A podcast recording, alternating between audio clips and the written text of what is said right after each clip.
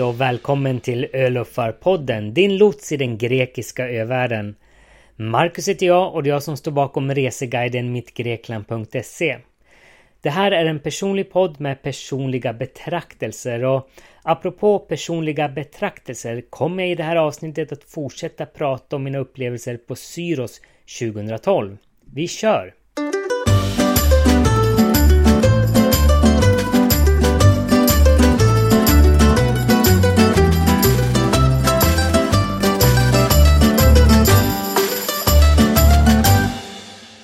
Ja, efter några härliga dagar i Hermopolis så var det alltså dags att åka ut till Kini.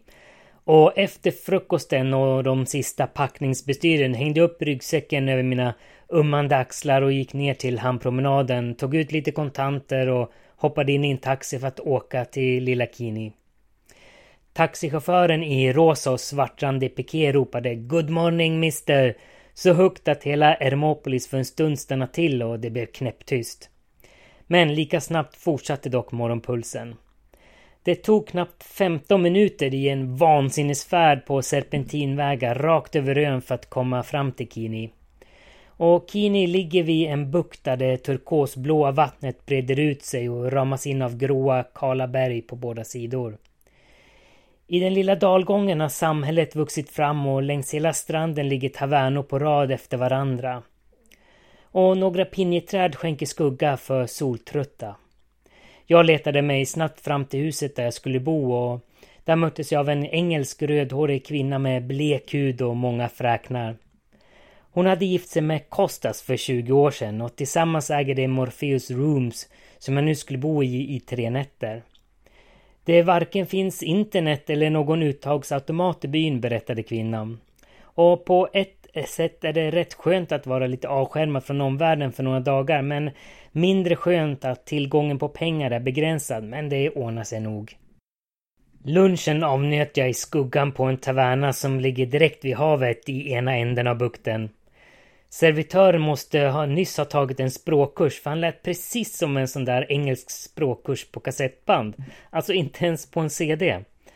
Hans uttal var nästan oklandligt men efter varje mening blev han märkligt tyst, precis som han ville att jag skulle säga efter.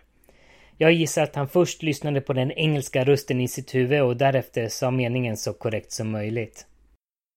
Eftermiddagen spenderar jag på stranden till ljudet av vågorna och efter en stund även till fnittriga grekiskor som hade svårt att ta sig ner i vattnet just på grund av vågorna.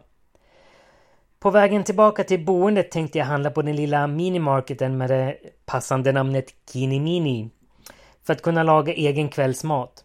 För dessa dagar måste man ju hushålla med pengarna. Det visade sig att den bara hade öppet till två om dagarna och till och med min annars så tysta tvilling grymtade till av förvåning. Men snabbt beslutade jag att det får helt enkelt bli tavernamat även ikväll. Yay, sa tvillingen som tydligen föredrar restaurangmat före mina matlagningskonster.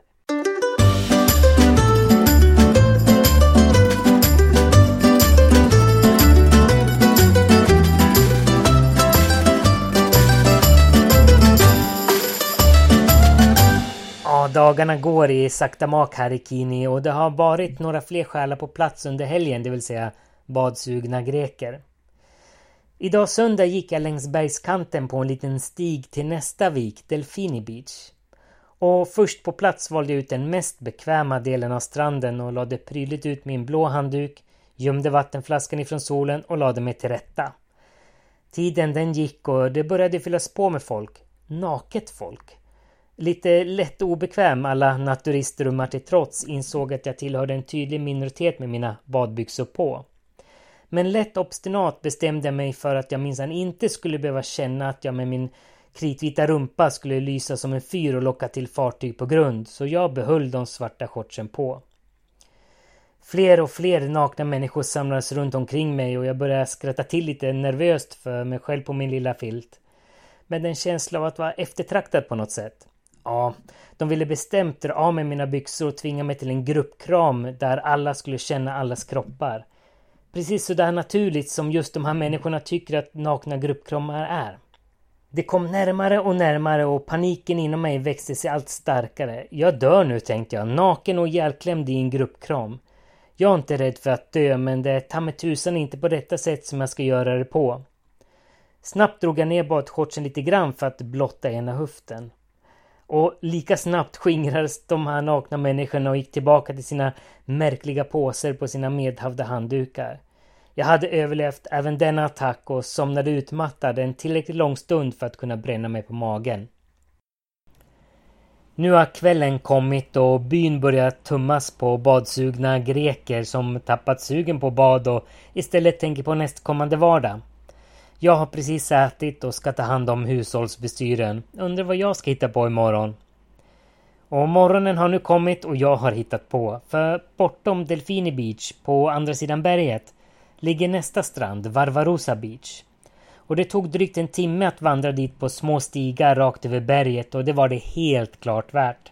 Det är en riktigt fin strand med kristallklart vatten och jag var helt ensam där. Förutom en liten underlig fågel med en decimeter lång näbb som den idogt pickade med i sanden. Den hade hela tiden en märklig koll på mig och oavsett var på stranden jag rörde mig så var den inom två meters avstånd. Tittade och pickade och pickade och tittade. Ja, efter en liten stund i solen och ett snabbt dopp i det kristallklara vattnet börjar min karga fantasi att skapa små eventuella möjliga händelser sådär som kan ske när man är alldeles ensam på en strand. Och dagen den gick och jag slumrade, fantiserade, badade, slumrade, fantiserade. Men till slut tog jag ändå ett sista dopp och simmade under vattnet så länge jag kunde. En eh, liten fiskebåt puttrade förbi strax utanför viken. Jag gick upp och lät mig snabbt torkas av den varma solen. Bakom nästa berg finns ytterligare en strand, Aetos Beach, som jag också gärna ville besöka innan jag åker från Kini dagen därefter. Det tog cirka 30 minuter att ta sig över kammen och få blicka ner på den, en ännu vackrare strand. Men jag gick i säkert 30 minuter till, men kom liksom inte ner till stranden utan snarare längre bort längs bergsväggen. Och ensam vågade jag inte ta för stora risker att försöka ta mig ner längs den branta väggen. Och hade jag fortsatt på stigen hade jag troligtvis kommit ner till stranden förr eller senare. Men med ganska lite vatten kvar i vattenflaskan vände jag istället tillbaka till Kini och mitt trygga boende.